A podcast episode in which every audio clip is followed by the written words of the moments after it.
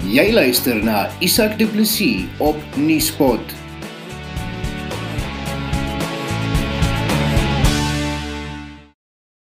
Die Weskaap is 'n paradys in vergelyking met die res van Suid-Afrika met paaie wat werk, infrastruktuur wat werk, geen riool wat in die strate afloop nie.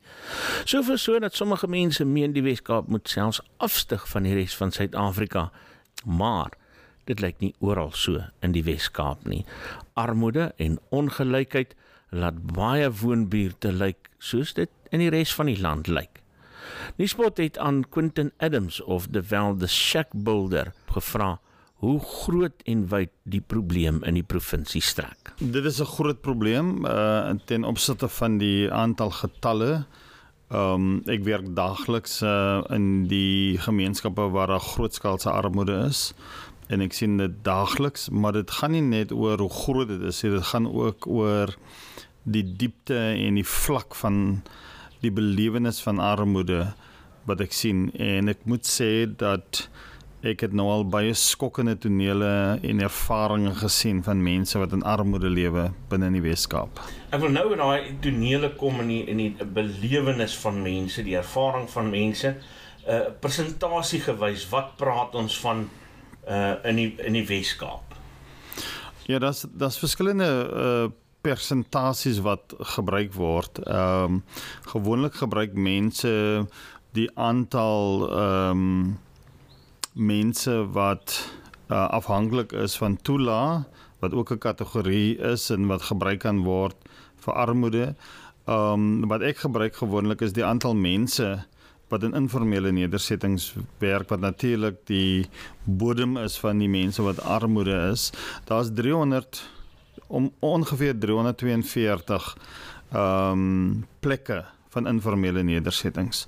So ons praat van 'n baie groot persentasie van mense wat in die Weskaap in armoede leef. As mens dit in bevolkingsgroepe moet indeel, het mense idee uh, wat staan waar. Ja, die die die grootste aantal mense wat in armoede lewe is swart mense. Uh en dan is dit bruin mense en dan is dit 'n bietjie Indiërs alhoewel daar nie 'n groot populasie van Indiërs is wat in die Weskaap woon nie en dan natuurlik die mense wat die rykste is in die Weskaap is uh wit mense en natuurlik buitelanders ook. Beskryf ons die omstandighede waarin arme mense in die Weskaap bly. Ek gebruik gewoonlik die die struktuur, die fisiese struktuur om dit te beskryf. Ehm um, want dit was die grootste ontdekking wat ek gemaak het die afgelope jare en ek dink mense is redelik stil daaroor en ehm um, my fokus is om dit te beskryf. En ek moet sê op hierdie stadium dit is die mees ongenaakbaarste wrede uh tonele en ervarings van armoede wat ek nou al gesien het. Um twee interessante voorbeelde en dit is hierdie voorbeelde wat al hoe meer uh, voorkom is dat mense lewe in strukture wat bouvallig is. Jy dis onmenslik om te kan dink dat mense woon in so 'n fisiese struktuur. Um dis gehaven, dit is bouvallig, daar's geen venster nie, daar's geen lugventilasie nie en dan kry jy die rotte wat binne uh hierdie strukture rondhardloop en van die ergste wat ek al gehoor het is dat selfs van die rotte by die kindertjies se tone en se sagte vesel wat hulle ore is binne in hierdie informele strukture. Dan die tweede ehm um, geval wat ek kry uh, of wat ek baie kry is hierdie reuk wat binne hierdie vertrekke is as gevolg van die um, rioolstelsels wat geblokkeer is as gevolg van die geen lugventilasie nie en hoe die mense sterf en siek word en dit is net een groot moeras van ellende waarin hierdie populasie van mense woon. Skryf ons 'n spesifieke situasie wat jy al raak geloop het wat jou die diepste getref het. Das das vele, das vele van hulle, maar onlangs, miskien moet ek praat oor onlangs is hierdie huis of hierdie huise in hierdie straat wat ek op afgekom het. Uh die een huis kon as eers ingegaan het nie want die reuk was van so 'n aard dat as ons daar aangaan dan gaan ons beslis siek word. Um die ander huis wat ek in beweeg het, uh daar's eers 'n behoorlike deur nie. Um daar's 'n bed, dis nat Uh in beide van hierdie huise het die rioolstelsel is is disfunksioneel. So van daai riool spoel by die toilette uit en ehm um, die mense is uh heeltemal in hierdie wat ons noem die die afgrond van van van ellende en armoede. En hierdie een huis het ek vir die mense gesê ons kan dit eers herstel nie want die strukturele uh probleme met hierdie huis is van so 'n aard dat ons dit moet toemaak. En toe vat ek 'n rooi blikkie verf en ek skryf daarop uh in Engels natuurlik humans prohibited too dangerous to live in. En dit was uit 'n frustrasie maar ook dat ander mense wat wil as as hierdie mense uittrek want ons het vir hulle 'n uh, tydelike shack gebou op hulle yard as daar nuwe mense wil intrek dan moet hulle kan sien uh dit is nie bewoonbaar dit is nie bewoonbaar vir mense nie mense kan nie daarin woon nie want dit is te daaglik en dit is net 'n hartseer verhaal maar die interessantheid van daai huis is dat ons het 'n hele paar van huishoudhuise het ons op uh, het ons op afgekom en dit was wat skokkend is. Wat is die omstandighede in so 'n huis? Hoeveel mense bly daar? Ja, wat gebeur en dit is uh van mense vra altyd vir my hoe hoekom kla die mense nie en hoekom uh het hulle nie probleme nie. Die probleem met 'n reuk, met so 'n tipe van reuk is dat jou jou ryk sintuie uh begin gewoond raak aan hy reuk. Ons noem dit olfactory fatigue in Engels. Dit is wanneer iemand uh in die oggende jou vuilnisdrom oopmaak en hy kyk daar binne in en hy ruik dit nie meer wanneer hy het gewoond geraak daaraan. En en dit is hoekom mense eintlik daar bly want hulle is so gewoond geraak aan die reuk dat hulle kan nie meer ehm um, hulle kan nie onderskei dat dit 'n probleem is totdat iemand anders daar aankom en die maatskaplike dit, dit is 'n totale maatskaplike verval ehm um, waaraan mense hulle en die interessante gedeelte daarvan is dat hulle kla maar hulle weet iemand gaan nie iets kom doen nie. Hmm. En ons stel dit gereeld op. Die oomblik as ons as die shack builders daar aankom en sê ons gaan dit verander, dan glo hulle ons nie. Totdat as die volgende dag kom met ons gereedskap en ons verander en ons bou en ons breek af en ons maak skoon. En ek moet vir jou sê dat ehm um, hierdie mense het geval tot 'n sekere tot 'n baie diep vlak van ehm um, ellende tot op die punt wat hulle niks meer aan dit wil doen nie. Hulle aanvaar dit is hulle lot. En dan kom ons en ons verander ehm um, hulle breek die ehm um, hoe die huis lyk, die kleur van die huis. Ons het onlangs nou 'n huis geverf Ehm um, ons gaan nou ehm um, wanneer die weer beter raak, sommer 'n hele blok fletse gaan ons oorverf. Dat die mense net ons noem dit kognitiewe ontwrigting. Ons wil jou gedenk vir ons wil jou denkpatroon wil ons ontwrig om te sê maar dit is nie aanvaarbaar hoe dit lyk nie. Ehm um, en ek dink dit is waar waar ons op hierdie stadium ehm um, uh ons fokus wil plaas, maar ek moet vir jou sê dis die haglikste omstandighede as ek daar wegry, ehm um, dan kan ek nie glo dit is dieselfde Kaapstad ehm um, waarin ek bly nie, want dit is beslis twee verskillende stede in een stad. Ek gaan nou verder daaroor gesê want dit is 'n belangrike punt. Ehm um, ek, ek wil net nog so 'n bietjie bly by die hoeveelheid mense want dit lyk vir my jy kry enige iets van 5 na 10 na 15 mense wat sommer in in een vertrek bly. Hoe doen mense dit? Ja, dit is uh die een geval van die agterplaas bewoners is dat uh, hierdie man het vir ons gesê hulle slaap 5 op een bed. Um uh, Anna huis het die ma vir my gesê sy het vir haar kind gesê hy moet huis toe kom want dit is nou lockdown toe sê hy vir die ma maar as ek huis toe kom waar moet ek gaan slaap? Hier wat ek nou is, het ek 'n slaapplek. En ehm uh, want daar's geen slaapplek nie. Daar's een bed, daar's een hok, bouvallige hok met 'n seil oor. Daar kom nie sonskyn in nie. Hulle kan nie eens mekaar sien deur die dag nie ehm um, die besoedeling van hy lug is so gevaarlik dat jy gaan tuberkulose kry, jy gaan siek word, jy gaan respiratoriese probleme gaan jy ontwikkel. Jy ehm um, hierdie kinders het hierdie velprobleme wat hulle het. Hulle het asmatiese probleme. En dit is as gevolg van daai een hok wat hulle in bly wat jy nie eers diere sal wil laat inbly nie. Ek dink diere woon in Suid-Afrika baie beter as wat baie van hierdie mense woon.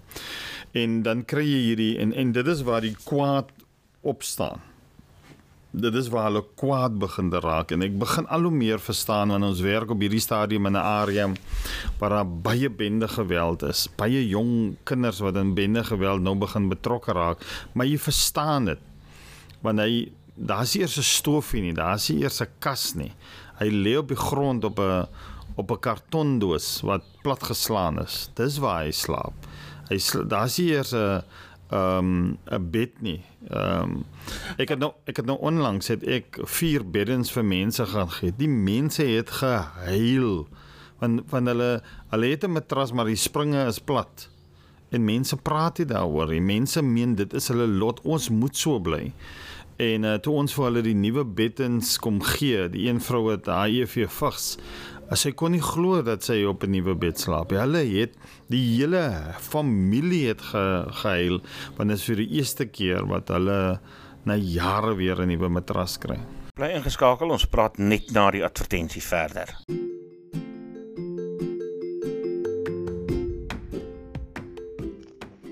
Vandag sê ons dankie. Dankie aan al ons ondersteuners en ons vriende, ons familie en ons geliefdes dat julle saam help bou aan ons Helpende Hand familie. By Helpende Hand bou ons nie 'n besigheid nie, ons bou 'n familie. Word vandag nog deel van die Helpende Hand familie. SMS familie na 45763 en ons skakel jou terug om seker te maak dat jy deel word van hierdie groot familie. Ons het 'n verskil gemaak die afgelope paar maande en ons wil voortgaan daarmee. Ons sal die pad vorentoe tree vir tree vat.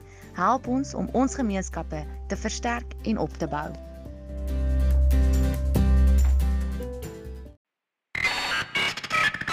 Jy luister na Nuuspot met Isak Du Plessis.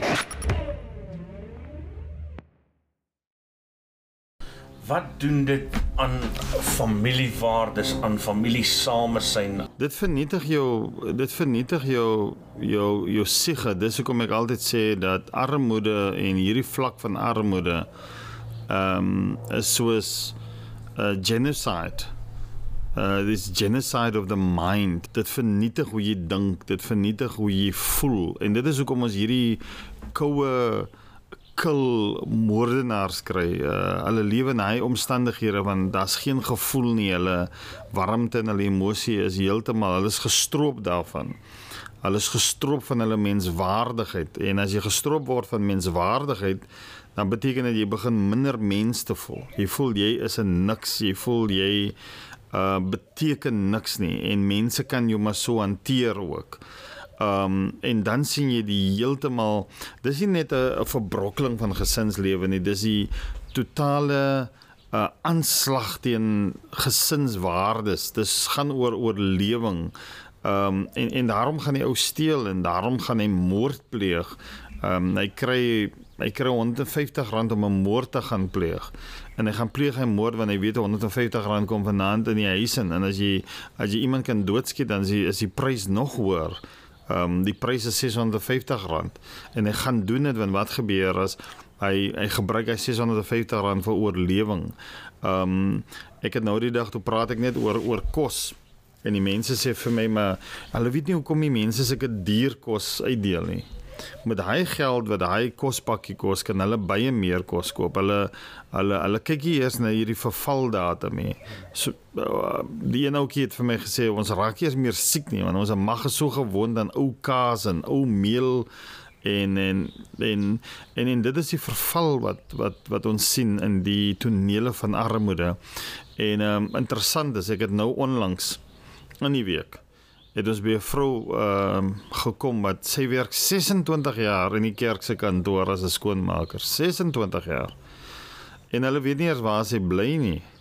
Hulle weet nie eens hoe lyk sy nie. En die interessante is haar mure, haar plankmure in hy shack of daai hok is bestukken en sy het 'n gordyn gesit om die reën uit te hou.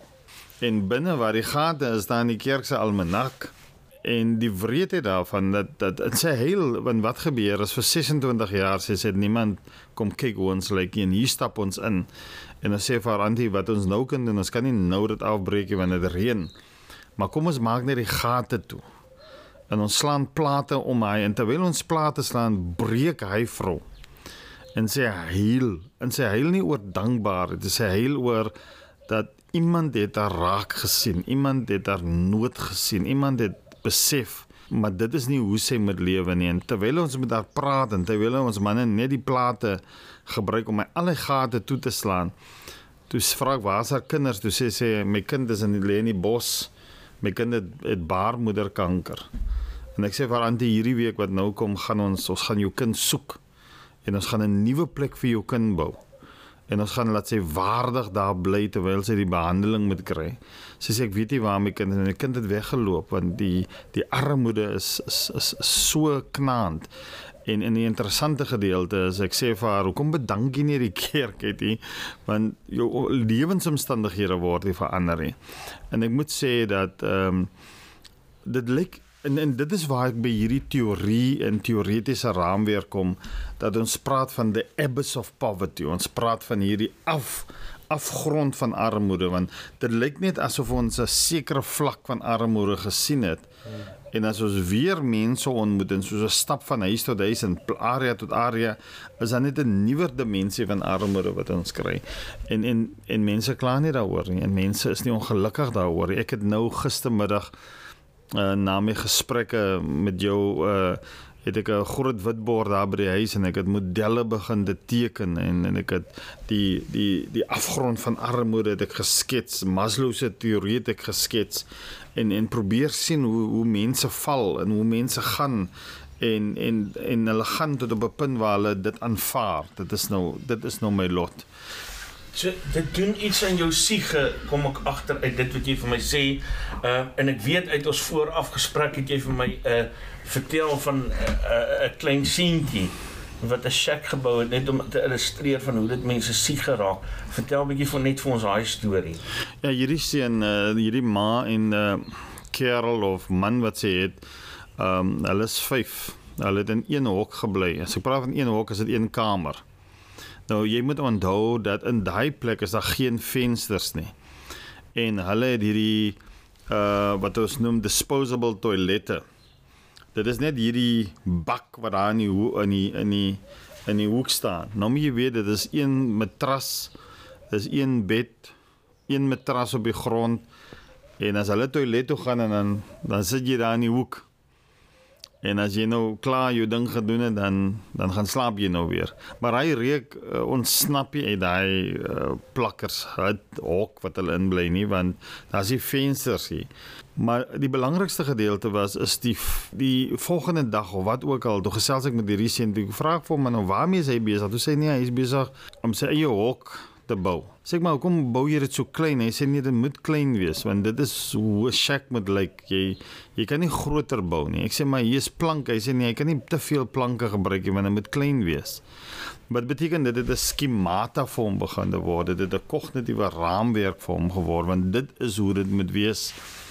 En toe ons dit nou heeltemal heeltemal uh begin te afbreek terwyl hy nie sy plekjie moet afgebreek word nie want dit is sy plek, dit is sy argitektuur en bouwerk wat hy daar gesit het. En en dit is hoekom ek sê dat dit is soos genocide of the mind. Mm. Dit vernietig die mind, dit vernietig die kreatiewe, rasionele denke van die mense. Nou wat ons doen baie keer is ons kyk vanuit ons rasionele denkpatroon en kan nie glo dat dit wat gebeur daarvoor ons nie of dit wat ons sien nie. En ons verstaan dit nie en en omdat ons dit nie verstaan nie as iemand gewoonlik iets verstaan nie dan dan etiketeer hy dit of hy hy kritiseer dit. En ek moet sê op hierdie stadium sien jy die totale vernietiging van idees kreatiwiteit die skokkende gedeelte is seker die is die belief system. Ons kan nie daar uitkom nie. Dit is ons lot.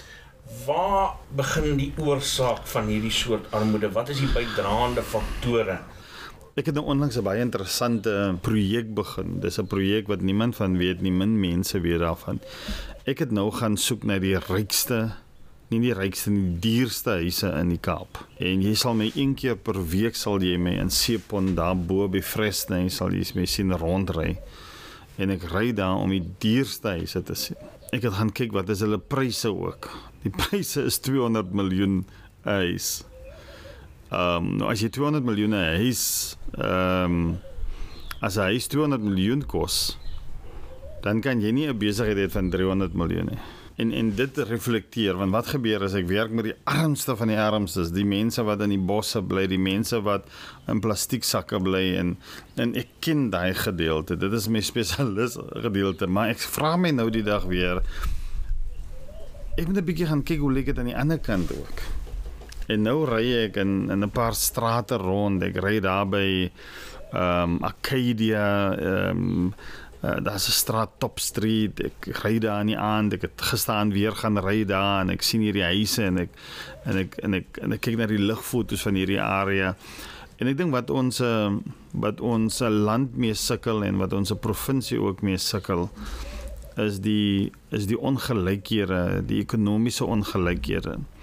Nou daar's verskillende maniere wat ons te werk moet gaan om dit aan te spreek. Die probleem is as ons dit gaan aanspreek nie sal ons altyd 'n rustelose nasie wees. Hmm.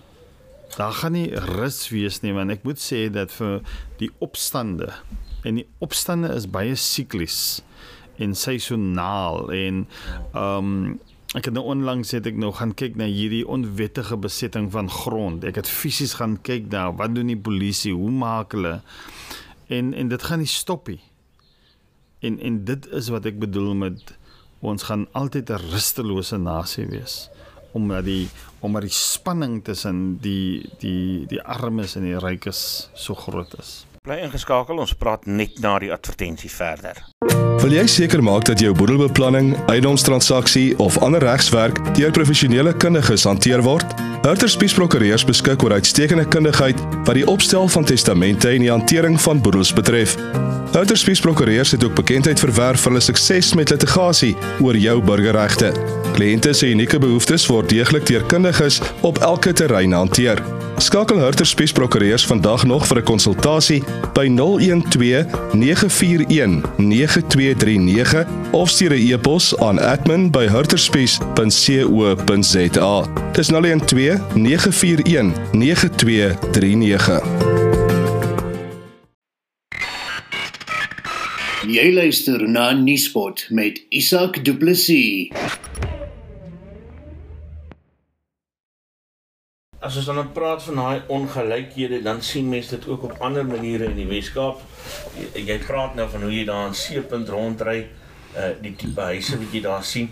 Maar die infrastruktuur daar lyk ook anders as wat dit byvoorbeeld in Menenberg lyk, as wat dit in Kloetusville lyk, in Stellenbosch lyk. Ehm uh, daar's ook 'n groot verskil. Hoekom lyk die gebiede uh so anders van mekaar. Ek dink dit gaan oor prioriteite van die van die plaaslike regering. Want iewers moet iemand dit kan doen. En ek weet mense sal sê altyd vir my maar ons munisipaliteit het nie genoeg geld nie want nie almal van hierdie mense is belastingbetalers en maar dra by tot die fiskus van die van die van die van die land nie. Ehm um, dit verstaan ek. Ek verstaan dit. Ek verstaan daai argument.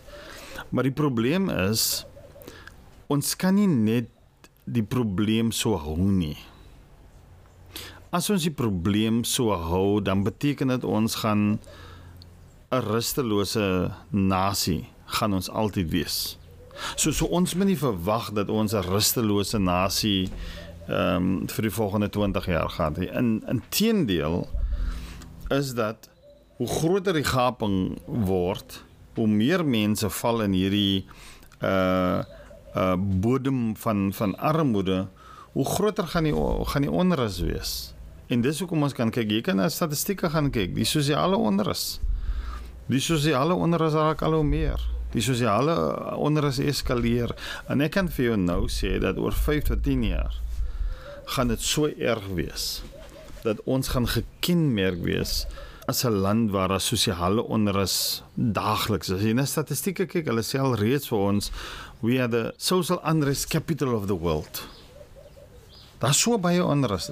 Maar hierdie gaan dit gaan net verder eskaleer, dit gaan net groter raak en ek kan vir jou eerlikwaar sê dat ons gaan ons gaan 'n moeilike tyd beleef na die volgende 5 tot 10 jaar. Maar beteken dit dat daar 'n regverdiging is vir die feit dat die dorp Stellenbosch uh in terme van infrastruktuur baie beter en netjies sal lyk as Kloetuswil langsaan wat deel is van Stellenbosch.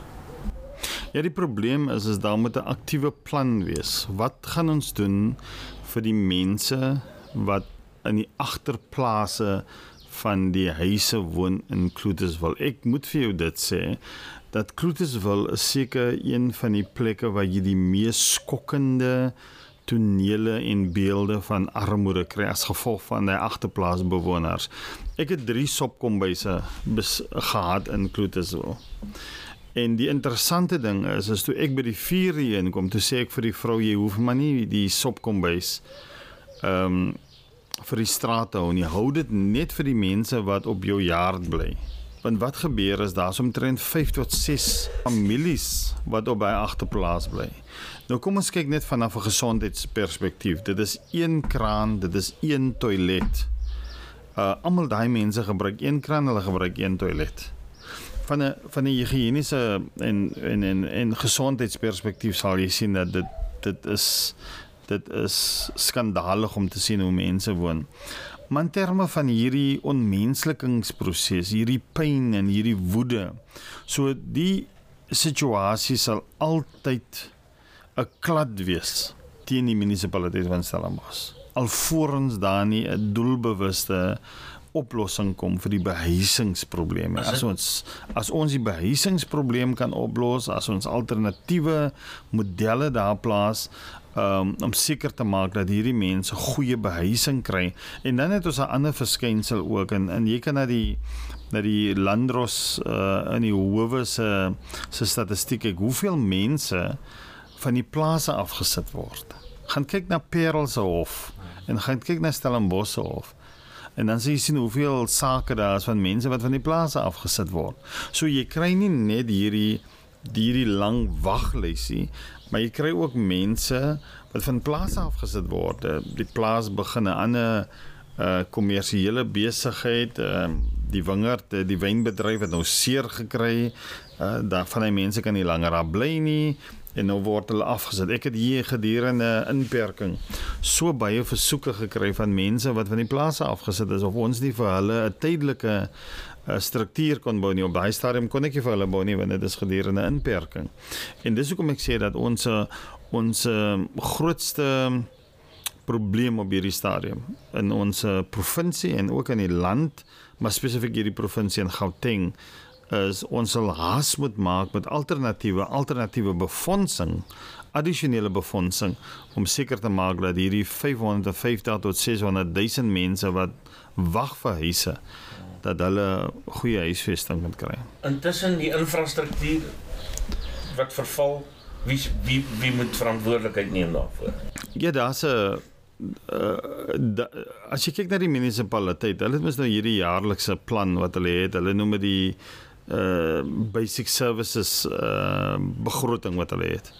Daai begroting is om te, om seker te maak dat gate en paaie en infrastruktuur reggemaak moet word. Maar ek is seker of politieke partye regtig hier raadslede oplei en hulle verantwoordelik hou vir die transformasie. Want ek dink die transformasie uh, van 'n gemeenskap het grootendeels te doen met die leierskap en die en die kapasiteit van raadslede. As ek sekere raadslede kyk in wat hulle doen, hulle hulle kan net mobiliseer lyk like dit my vir 'n verkiesing. Hulle kan hulle hulle vaardighede. Hulle vaardighede is is net lyk like my om om 'n vergadering te hou om mense te mobiliseer vir 'n verkiesing, maar as jy kyk na infrastruktuurontwikkeling, hulle verstaan oor hoe om addisionele uh befondsing te kry want jy uh ons praat hier van hierdie public pa, uh, public uh, private partnership daai konsep gee vir jou ruimte om addisionele befondsing te gaan kry. Om mense te kapasiteer om addisionele befondsing te kry. Ek wil nog steeds by die punt probeer uitkom wat ek probeer verstaan is hoekom kan dorpstraat sonder enige gat bestaan? Hoekom kan Dorpstraat en die res van Stellenbosch se strate nie riool hê wat daar afloop nie, maar die oomblik as jy in Kayamandi en Kloetes wil maar ook ek het gesien ek uh, uh, Kayalicha uh Manenberg, ehm um, Mitchells Plain, ek het daar gaan rondry, Lavender Hill. Uh, dan kry jy dan dan kry jy goed wat jy nie in uh Malmesbury, Stellenbosch, Moreesburg. Daar's twee redes daarvoor. As daar daar kan duisend redes wees, maar dis vir my is dit twee redes. Is eerstens klaar die mense daaroor. Ek is nie seker dat mense klaar daaroor nie. En en veral hierdie onmensliking proses waar die mense verdraagsaam raak daaroor. Hulle aanvaar dit is dit is ook dat die pad stukkend is. Ek ry op 'n pad wat ek kan nie glo dat niemand klaar daaroor nie. Maar kan 'n raadslid nie dit raak sien? Nou kom ek na die tweede gedeelte toe. Die raadslid moet mos klaar daaroor die raadslid, dit is die raadslid se verantwoordelikheid. As ons kyk ons ons ons spog so ons het die beste grondwet in die wêreld, ons het die beste dit, ons het die beste dit. Ons is nou besig om om om hierdie uh speed bumps op te sit. Ek is eers in die area nie. Ek sê daar moet 3 wees. Ek vra vir die raadslid vir die mense, waar is die raadslid? Die hele straat weet nie wie die raadslid is. Hulle weet nie wie die raadslid is. Nou as niemand weet wie die raadslid is nie, hulle weet nie wanneer laas hulle die raads. Ons moet raadslede met ons accountable hou. En dan die belangrikste gedeelte wat ek dink is dat ons moet vir die raadslede sê gaan ry in jou area. Gaan maak seker, hoekom is daai pad werk dan so? Doen hulle dit, raadslede? Kom hulle in die gebiede? Ek is seker. Daar's sekere raadslede. Ek ken sekere raadslede wat uitstekend is. Ek ken raadslede wat uitstekend is. Ehm um, daar's een raadslid wat ek ken wat ja, ek het vir hom ek het persoonlik na hom toe gery en vir hom gesê ek wil vir jou sê jou area is die beste. Jy hy, hy los al die probleme op nie. Maar as daar veilig buitekant is, dan kan die mense in daai wijk kan vir hom bel.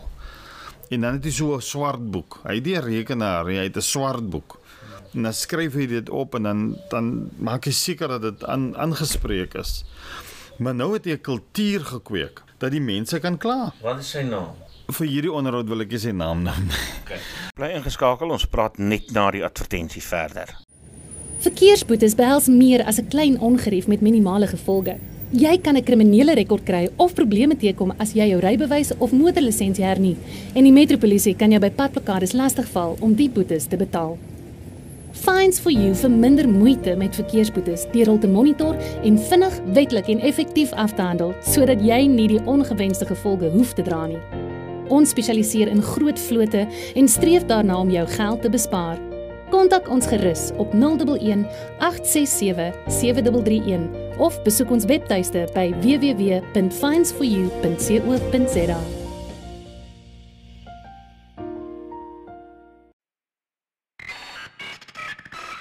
Nuuspot, jou Afrikaanse tuiste vir stories agter die nuus. Okay, maar nou wil ek vir jou dan hierdie vraag vra. Daar's 'n baie praatjies van uh, die Wes-Kaap wat moet afstyg ehm um, en dit word voorgehou as die uh, die provinsie wat eh, 'n uh, paradys is in vergelyking met die res van Suid-Afrika. Ehm um, as jy kyk na die infrastruktuur van dorpe in die algemeen in vergelyking met ander dorpe in Suid-Afrika.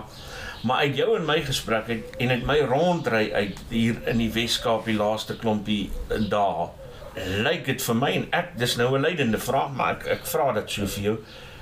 Dit vir my lyk uh dis net 'n paradys as jy geld het en of dalk wit is. Ja, ek moet vir jou ek gaan nie saamstem oor die konsep paradys nie want paradys is vir almal. So as ander mense uitgesluit is, dan kan dit nie paradys wees nie. En dan is dit 'n enklawe, enklawe vir sekere mense. Um en ek dink die persepsie word al hoe meer geskep as jy kyk na die omstandighede waarin brein hoofsaaklik brein en swart mense lewe dan lewe hulle in erge armoede en as jy hoofsaaklik kyk na oorwegend wit sprekende mense dan lewe hulle in beter areas en veiliger areas waar die paaie beter is waar die geboue groot is en jy sien dit Um, ek het gistermiddag in 'n ontwikkeling gery waar daar 'n ontwikkeling is wat hoofsaaklik net wit mense bly en oorkant is die lokasie. En as jy in die straat inkom dan sien jy hierdie uh, ongelykheid en ek en, en en dit is wat kommerwekkend is wat die wat die wat die provinsiale regering sal moet doen is dat hierdie hierdie um verhouding van oorwegend wit ryk, oorwegend bruin swart arm. As dit nie verander gaan word nie, dan is dit nie 'n volhoubare situasie nie. Uh, in die toekoms gaan ons groter probleme kry. Jy gaan uh, ons het al klaar jare gelede hierdie verskynsel wat hulle noem the gated communities um jy sal nie lank dit kan in stand hou nie want wat gebeur is jy kan sien die opstande jy kan sien die eskalasie van van van van opstande en dis hoekom ek sal sê dat die persoon wat 'n visie moet hê vir die provinsie en vir waar die provinsie en die stad na, na toe moet gaan is om seker te maak dat almal 'n gelyke geleentheid moet hê om te ontsnap van armoede en hulle moet geleenthede gegee word en dan as ons hierdie gaping tussen ryk en en arm kan verminder dan gaan almal almal in hierdie provinsie gaan baat vind daarbey. Gaan dit help om by die instandhouding van infrastruktuur te kom? Uh, dis een vraag wat ek wil vra na aanleiding van daai ongelykheid wat ons sien. Ek bedoel, want 'n straat kan tog nie 'n arm mens se verantwoordelikheid wees nie rioolstelsels kan tog nie 'n arm mens se verantwoordelikheid wees nie. Dit moet een of ander amptenaar se verantwoordelikheid wees. Gaan dit help om te begin by die instandhouding van infrastruktuur en wie gaan ons verantwoordelik hou daarvoor? Ek dink op hierdie stadium begin ek 'n nuwe idee te ontwikkel. As ek kyk na die behuisingsagterstand van 600 000 huise, dan is ek nie oortuig daarvan dat dit in die huidige ehm um, hulle noem dit urban edge te bou nie. Ek dink daar moet 'n alternatiewe stad gebou word, 'n alternatiewe alternatiewe stad ehm um, waar 'n nuwe infrastruktuur gebou is. Want ons moet onthou dat met forced removals was mense gedamp gewees. En as jy kyk na hoe mense in Bonteheuwel en Manenberg gedamp was, daar was nie nog behoorlike infrastruktuur regtig gebou nie. Ehm um, jy kan sien hoe daai infrastruktuur ehm um, begin te verbrokkel het, besig om in te gee. Dan die tweede gedeelte is ek sien nou ook dat die die die huise wat 20 jaar gelede deur die RDP ontwikkelingsprogram gebou is, hulle is ook besig om in mekaar in te val. En ons kan nie nog 600 000 huise uh, bou in hierdie huidige struktuur nie. Dit is 'n dit is 'n resep vir disaster. Ehm um, wat ek dink wat ons moet begin doen is om met 'n alternatiewe stad en ek begin al hoe meer te glo dat 'n alternatiewe stad met nuwe infrastruktuur ehm um, waar ons kan ontslaa raak van hierdie apartheid special just apartheid special ehm um, conundrums wat ons mee te doen gehad het. En ek dink ons moet begin te nuut dink en ek dink ons moet vernuwend begin te dink en ek dink ons ons moet begin te dink aan 2040 en 2030. Ons kan nie meer aan 2030 dink nie, dit is 10 jaar van nou af. Maar ons moet vir onsself vra hoe lyk Kaapstad in 2040? en daardie scenario's moet geskets word en da die stadsbeplanners en die politici moet alternatiewe kyk want wat gebeur as ons wil nie 'n Mexico City hê nie. Ek was in Mexico City gewees. Daar's 30 miljoen mense. Ons kan nie ehm um, Kaapstad sukkel nou al reeds met 3.8 miljoen mense. Ons kan nie 'n Kaapstad hê waar daar 10 miljoen mense in Kaapstad gaan wees nie. En en verstedeliking is 'n natuurlike proses. Dit het niks te doen met mense van die Oos-Kaap wat na die na die Wes-Kaap toe wil kom nie. Dit gaan oor dat mense beweeg daar waar daar ekonomiese aktiwiteit gaan. Ehm um, nou sê ons nee nee nee, die Ooskaap kan nie na die Weskaap toe kom nie. Dit ek bedoel dit is uh, daai denkpatroon. Ek ek kan nie glo dat rasionele mense daaraan dink nie. Verstedeliking is 'n is 'n is 'n is 'n natuurlike. Dis dieselfde wat in Witwatersrand gebeur het. Toe hulle die myne ontdek het, wat gebeur almal reg oor die land, reg oor Afrika, kom toe Johannesburg toe. Want wat gebeur is, mense beweeg daar waar ekonomiese aktiwiteit is. Wat ek sê is dat ons sal 'n nuwe ekonomiese hub buitekant Kaapstad moet vorm sodat daar 'n na natuurlike vloei en skepping is vir al hierdie mense wat op hierdie waglys is. Uh ons begroting vir gesondheid is 23 miljard vir vir onderwys huis is dit 20 miljard, vir behuising is dit 3 miljard. Hoe kan jy 3 met 3 miljard, dit is 16000 huise per jaar bou? Dit gaan ons 27 jaar vat om hierdie agterstand uit te wis van 600 000 huise. So wat gebeur is is kan ons nie alternatiewe uh, geld kry nie? Kan ons nie 'n ekstra 20 miljard kry nie? Kan ons nie ehm um, en dit gebruik en dan 'n alternatiewe uh ekonomiese hub waar ons die mense wat op die lag waglys is beter kan kan bestuur. En ek dink dit is die alternatiewe metodes waarna ons moet begin dink. Dit was Quentin Adams of the well the shack builder soos hy in die Weskaap bekend staan. Ek is Isak Du Plessis. Luister gerus na ons volgende bydra oor armoede in die Weskaap.